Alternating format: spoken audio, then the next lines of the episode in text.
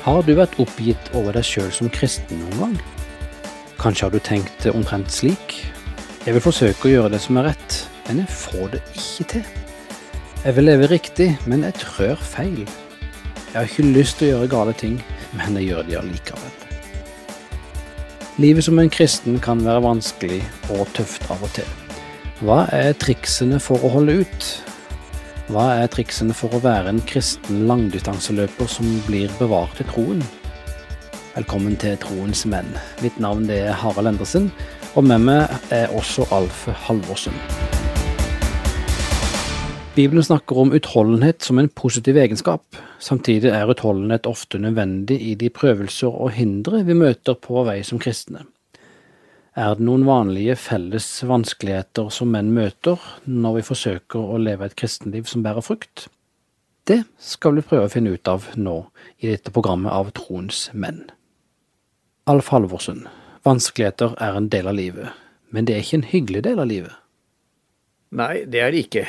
Men Gud gir oss utfordringer for å styrke oss som kristne menn.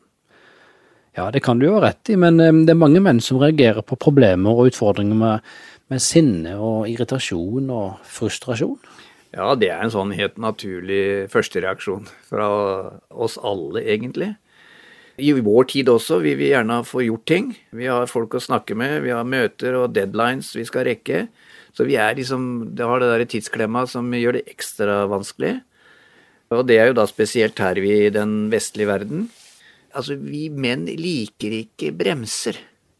vi liker ikke ting som skaper friksjon og bremser oss. Vi, vi liker egentlig høy fart. Men det er jo ikke sånn Gud har tenkt det. Nei, det er ikke det. Eh, og vi ser vel noe av Guds perspektiv i Romerbrevet 5 hvor Paulus i vers 3 faktisk skriver da det derre paradoksale, kan vi si, i forhold til en mann, naturlig reaksjon hos en mann. Han sier ja, ikke bare det, vi priser oss lykkelig også over våre trengsler. For vi vet at trengslene gir utholdenhet. Utholdenhet gir et prøvet sinn, og det prøvde sinn får håp. Og det er jo nettopp dette vi vet som er noe av nøkkelen her. altså. Mm. Så prøvelser og vanskeligheter, det er faktisk noe positivt her, ifølge Paulus? Ja, og spesielt ut ifra det perspektivet at uh, det er et mål for oss å forbedre vårt forhold til Jesus. Og det er jo det vi har snakka om. Disse relasjonene som vi har snakka om som det aller viktigste i livet. I de tidligere programmene har vi snakka om det. Og de er jo basert på de uh, fire prioriteringene eh, av den boka John Tolson og Larry Crider. Og alle disse prioriteringene har å gjøre med å vokse i vårt forhold til Jesus. Det første er jo å utvikle et personlig forhold til Jesus, et forhold som er i stadig vekst og utvikling. Det andre er å utvikle et eh, tilsvarende personlig forhold til seg selv. Du skal vokse og utvikle deg som menneske og mann den tredje tingen her, det tredje punktet, kan du si, er å utvikle personlige, gode forhold til andre mennesker. Eh, og de skal også utvikle seg i positiv retning. Og den fjerde tingen handler om Jesu Kristi kirke på jorda, og ditt forhold til den. Du skal være med og få den til å vokse og utvikle seg. Så personlig, utviklende og forpliktende er på en måte nøkkelord i disse fire relasjonene. Ja, og her snakker vi om personlig vekst og utvikling, og det innebærer òg at vi skal strebe etter å bevege oss i riktig retning i vår vandring med Jesus, og det at vi skal forplikte oss. Det innebærer en avgjørelse som vi står ved, selv kanskje når det stormer og livet er vanskelig. Akkurat. Akkurat. Vi skal snakke mer om disse to siste prioriteringene i de senere programmer. Men nå i dag, Alf Halvorsen, hvilke vanlige hindre er det som står i veien mellom meg og det eller andre og et fruktbart kristenliv? Ja, vi har allerede nevnt ett stort eh, hinder allerede. Det at vi, som vi sa innledningsvis, opplever ethvert eh, sånn eh, problem og enhver utfordring som noe negativt. Vi glemmer at slike prøvelser har en funksjon i vårt kristenliv. Og Derfor så blir vi motløse og frustrerte og sinte. Og motløshet, frustrasjon og sinne, det gjør at vi veldig lett eh, gir opp. Så Da må vi ikke glemme at det å leve som en kristen er å delta i et langdistanseløp. Det er rett og slett en maraton. Du deltar i løpet i håp om å vinne en gullmedalje. Og det sier jo Paulus bruker jo det bildet når han sier 'løp da slik at dere vinner den', sier han, denne kransen som han snakker om. Så det innebærer å holde blikket på målet. Gud ønsker at vi skal leve våre liv slik at vi holder fokus på det som virkelig betyr noe. Jeg husker jeg var hos en av de mer berømte pastorene i verden, Rick Warren. Og så når vi blei vist rundt i kontorene og i administrasjonsbygget til denne kjempekirken som har 30 000 medlemmer, så var det en liten jøde som viste oss rundt. Han het David Fuchs. Og så sa han, hviska han til oss disse Han sa det høyt, da, men altså Egentlig sånn så har Rick Warren bare to prekener. Den ene, det er til de ikke-kristne, og da sier han 'Jesus loves you'. Jesus elsker deg. Og til de kristne så sier han don't give up. Ikke gi opp. Og det er en uhyre viktig del av å, lære å kjenne dette her og bruke det. Det er en viktig del av det bibelske budskap at vi ikke gir opp i sånne situasjoner som prøver oss. Ja, kanskje livet generelt. Og, og det å holde øynene på målet og ikke gi opp, det er kanskje Jesus det beste eksempelet? Ja, det er han. Det, det, det, ser du jo. Han tas faktisk som et direkte eksempel. At uh, han som holdt ut en, en, prøvelse fra mange, og, nettopp var at han hadde uh, blikket festet. Så han løp distansen helt ut. Uh, vi har jo denne på en av søndagene tidlig i kirkeåret, så er det jo Jesu dåp. Og Jesu dåp er jo ikke egentlig en vanlig dåp, han trengte jo ikke å bli døpt, men det er jo egentlig en innvielse. Det er rett og slett startskuddet som går for et løp. Et treårig løp som Jesus var kommet til. Men så sier han midt i det, sier han i Lukas 12, at eh, en dåp har jeg jo døpes med, sier han. Og hvor jeg gruer til at den er fullført. Altså dåpen hans det gjenspeiler på en måte hele løpet. Og først når han på korset sier 'det er fullbrakt', så var han ferdig med løpet. Men han holdt ut, og han hadde blikket festet. Så han, hadde, han møtte mange hinder på veien, men han holdt fokus og kom seg over målstreken. Derfor er Jesus det beste eksempelet på å holde ut hele distansen, selv gjennom prøvelser. Han har eh, lagt lista for hvordan Gud ønsker at vi skal leve som menn. Dette er Troens menn du lytter på nå, og mitt navn er Harald Endresen, og du hører Alf Halvorsen. Og vi snakker om viktigheten av å være utholdende i kristenlivet, og hvordan motstand og prøvelser kan bygge oss sterkere eller gjøre oss svakere. Alt etter hvordan vi takler de. Alf, du nevnte i en utfordring i langdistansen som kristen at eh, vår innstilling og måten vi angriper en prøvelse på, er viktig. Hvilke andre utfordringer skal vi være obs på når vi ønsker å være utholdende? Vi skal være oppmerksom på våre idoler og forbilder. Snakker du her om eh, muskuløse idrettsmenn, eller rikinger eller musikere som er verdenskjente? Ja, det, ikke det kan variere, men det er kanskje ikke det første mange menn vil tenke på. Men her mener jeg det som Paulus snakker om i første Korinterbrev 10 vers 14, hvor det står 'hold dere borte fra avgudsdyrkelse'. Amerikanerne har jo mange bibelutgaver, og en heter Amplified Bible, og der står det litt mer utfyllende Derfor, mine kjære, avsky, altså hold dere unna all form for avgudsdyrkelse. Dere må ikke elske eller beundre noe mer enn Gud. Dette verset sier altså at alt eller alle som vi elsker høyere enn Gud, er en avgud, noe som igjen vil stå i veien for et fruktbart kristenliv. Så alt vi setter høyere enn Gud, blir en avgud. Kan du gi oss et eksempel på det? Ja, et eksempel kan være hvordan vi prioriterer tiden vår. Her mener jeg ikke jobben, men fritiden. Bruker vi fire timer på sport og hobby og fire minutter på bønn og bibel? Ja, du bør ikke være kristen for å si at her er noe som ikke stemmer. Og Derfor så sier jo Jesus hvor din skatt er, der vil også ditt hjerte være.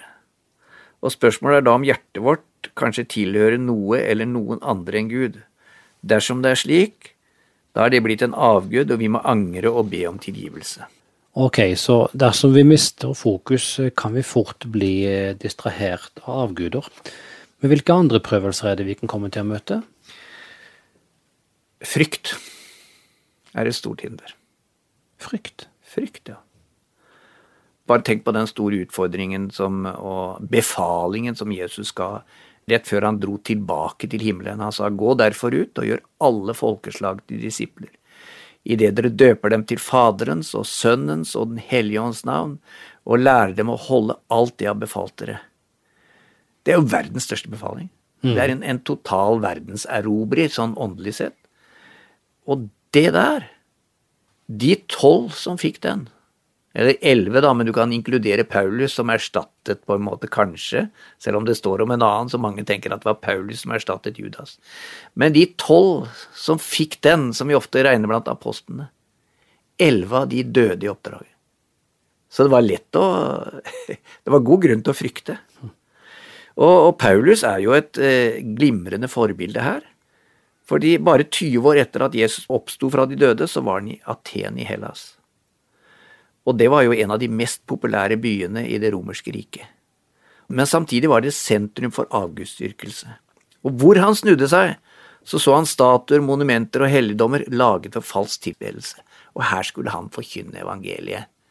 Han sier jo i første Korinterbrev, det er jo også i Hellas, der sier han i kapittel to vers tre, svak, redd og skjelvende opptrådte jeg hos dere.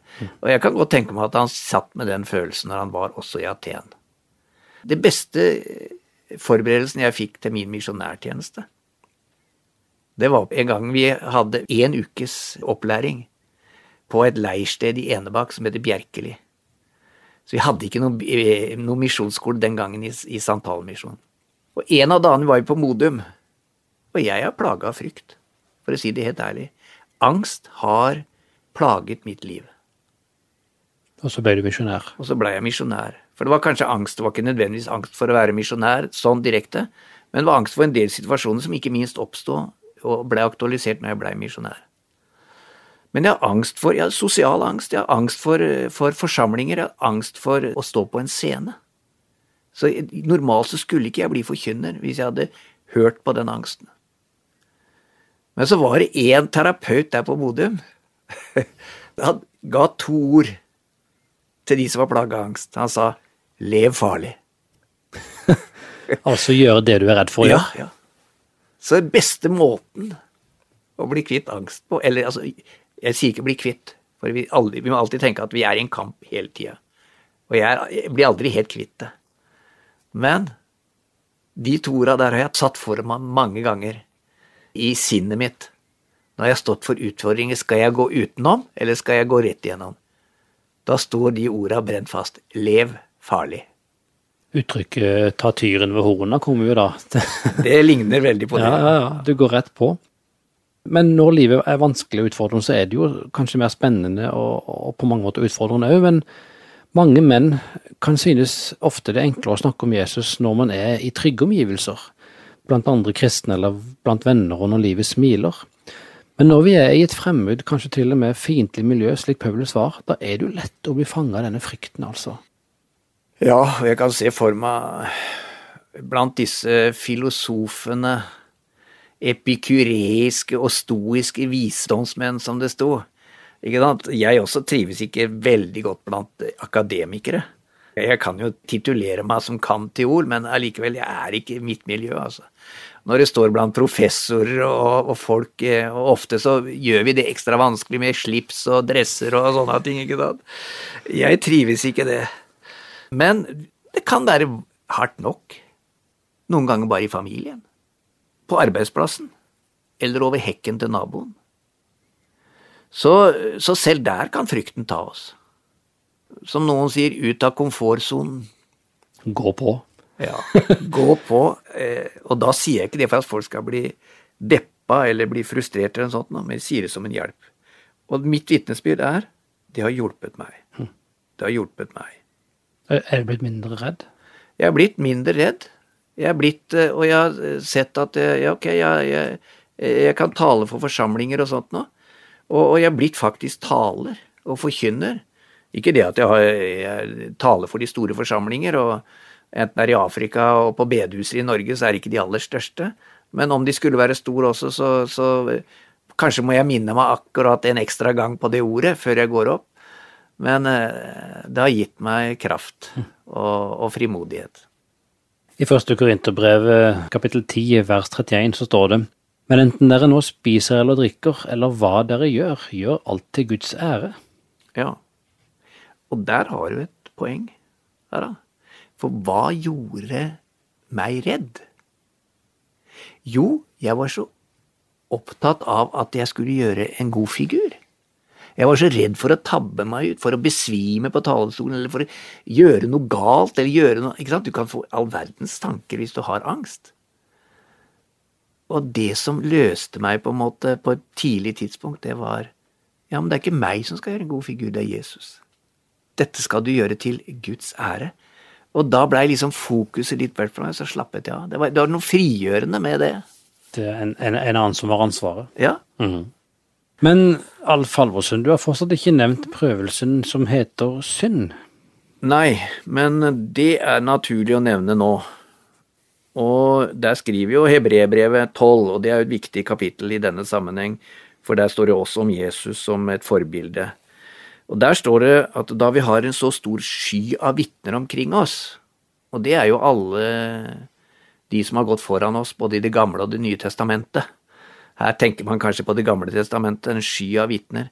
Så la oss legge bort alt som tynger, og synden som så lett henger seg på oss, og holde ut i det løp som er lagt opp for oss. Og det er noe av det vi ønsker her i Troens menn, er å prente inn hvor viktig det er med daglig bønn, bibellesning og regelmessig fellesskap med andre kristne. Det kan være til stor hjelp. Det er disse vitnene, på en måte, som omgir oss. Nå? Ja, men altså, det, det, å være et kristen fellesskap, det å lese i Bibelen om hva trosheltene, da, i anførselstegn, gjorde før oss, med tanke på å holde seg unna synd. Og, og dette å være i en mannsgruppe, for eksempel. Det er en super måte å ansvarliggjøre seg sjøl på. Og redusere faren for å falle i synd.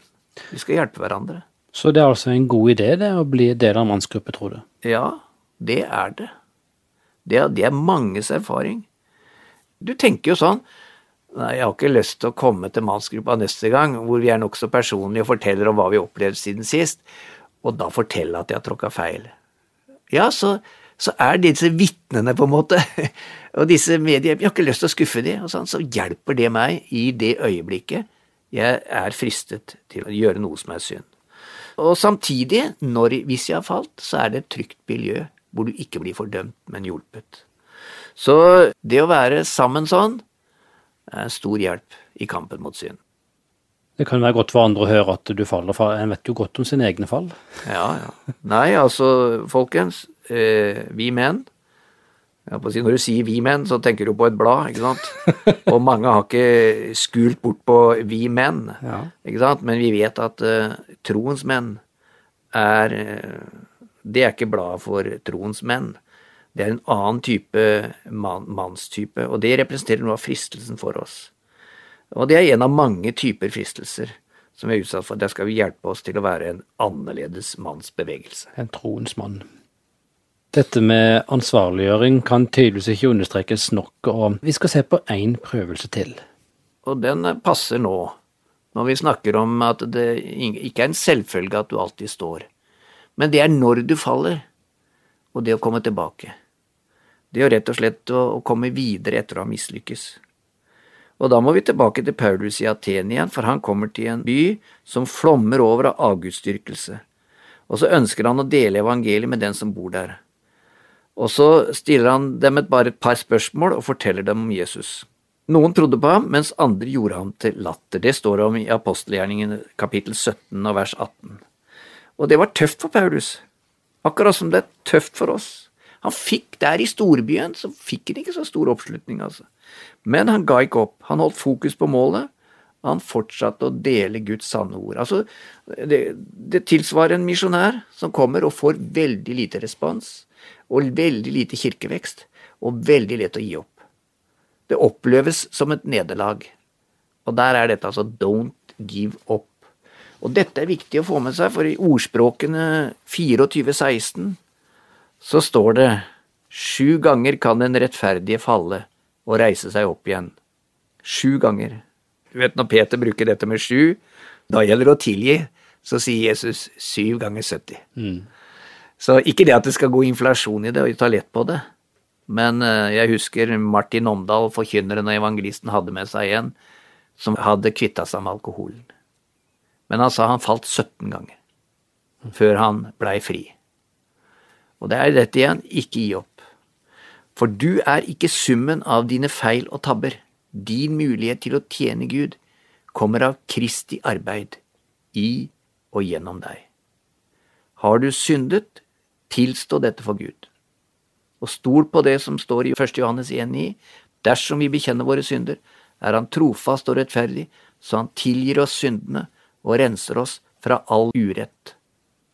Reformatorene, Luther, han tok fram et par både fra Det gamle testamentet og fra Det Nye testamentet. Det gamle testamentet var Saul og David. Saul tok sitt eget liv. Han endte i frustrasjon. Det er ikke Guds vei.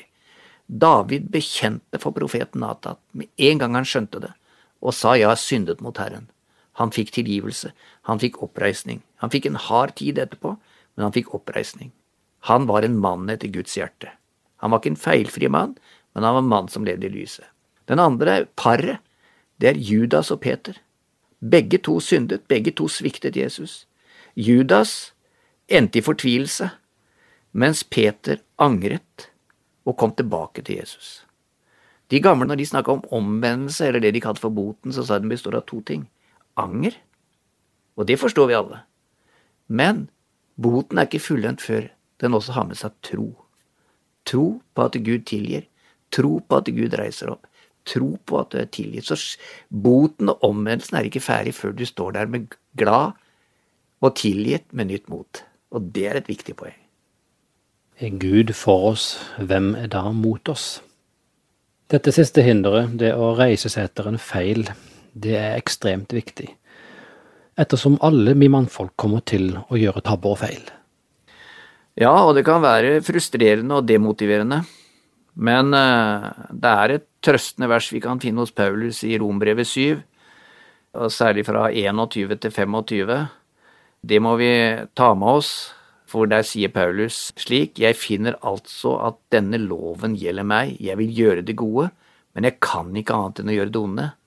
Mitt indre menneske sier med glede ja til Guds lov, men jeg merker en annen lov i mine lemmer. Den kjemper mot loven i mitt sinn og tar meg til fange under syndens lov, som virker i lemmene. Jeg ulykkelig menneske, hvem skal fri meg fra dette dødens legeme? Gud være takk ved Jesus Kristus, vår Herre. Dere, dette sier Paulus, dette er ord som kan hjelpe oss å holde ut.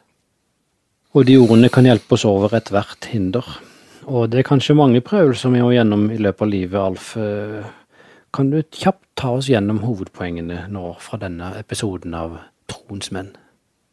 Ja, vi har snakket om at noe av det som kan forhindre oss i å leve som gode kristne menn, er vår innstilling til prøvelsene. Vi ser ofte på utfordringer og problemer med akk og. Og der må jeg ta et lite bilde. Fordi eh, disse prøvelsene er alltid sprintere, mens vi er langdistanseløpere. Men hvis du ser på kroppsbygningen til en sprinter Ben Johnson og alle de, de er jo enormt muskuløse, sterke og kraftige. Og de har trent seg opp og bygd seg opp, men de kan bare 100 meter. Da, stopp. da stopper de. Og selv om du blir liggende langt etter i begynnelsen, hvis du bare holder ut, så løper du forbi de. Og så kommer du i mål. Det er uhyre viktig. Alle disse prøvelsene er sprintere, mens du i Guds rike er kalt å være langdistanseløper. Og Derfor bruker Gud disse problemene til å bygge vår karakterstyrke og hjelpe oss til å stole på ham. Rick Warren han sa det, Gud sløser ikke med sår, sa han, om prøvelser, vanskeligheter og trengsler. De har en funksjon i hans plan, og det hjelper oss å tenke. Det hjelper oss å holde ut. Jeg vet om 100 meter så står han og puster og peser ved sidelinja. Han som så så sterk ut, og så kraftig ut. Han er ikke så sterk. Og så har vi snakket om at avguder kan bli et problem. Avguder er alt som vi setter foran Gud. Og så vi har sett på hvordan frykt kan forhindre oss fra å dele evangeliet med andre, og leve som kristne menn. Og et stort hinder er synd. Det er jo egentlig det mest alvorlige. Det er synd. Men synd er vi kalt til å ikke skjule, men til å angre og bekjenne. Og når vi nå har bekjent vår synd, så er det veldig viktig å tro syndenes forlatelse. Og ikke dvele ved feiltrinnene. Vi kan godt huske på de, for de kan holde oss litt ydmyke, men det er forskjell på ydmykhet og mismot. Vi skal ikke dvele ved det, og isteden skal vi fortsette styrket fremover sammen med Jesus. I verden har det trengsel, sier Jesus, men vær frimodig, jeg har seiret over verden. Johannes 16, 33. Du som er mann, som hører nå på troens menn. Det betyr ingenting hvor du er i livet ditt. Dette er en ny dag. Kanskje har prøvelser og hindre midlertidig stoppa det. Kanskje har du i hemmelighet gitt opp. Så fant du tilfeldigvis programmet vårt i dag. Gud er klar til å hjelpe deg tilbake på stien som et fruktbart kristenliv er. Han er så glad i akkurat du at han ga sin sønn Jesus for deg, så at du skal kunne reise deg opp og bli en troens mann i Jesus. Dette er nettopp derfor vi har kalt dette programmet Troens menn. Hvert eneste steg i livet ditt har brakt deg fram til den mannen du er i dag. Og det viktigste er ikke å holde tellinga på hvor mange ganger du mislykkes, men å takke for alle de gangene Gud hjalp deg opp og videre. Så stå på, ha pågangsmot og streb etter et fruktbart kristenliv. Takk for at du hører på Troens menn, hvor menn utrustes og styrkes til å nå dette gudgitte potensialet. I dag har vi snakka om viktigheten av å strebe etter et fruktbart kristenliv. Og Dette programmet er basert på boka De fire prioriteringene av John Tolson og Larry Crider og Troens menn er den norske utgaven av TVRs eh, Champions Arise, et eh, verdensomspennende mannsarbeid. Og det er oversatt og produsert av og for menn i Norge av Norea Mediemisjon. Ta kontakt dersom du vil motta en bønnefolder for menn, eller har spørsmål og kommentarer. Du finner kontaktinformasjon på nettsida troensmenn.no. Der finner du også alle programmene i denne serien tilgjengelige som podkaster. Mitt navn er Harald Endresen, og du har også møtt Alf Halvorsen. Må Gud forme deg til den mannen han ønsker at du skal bli.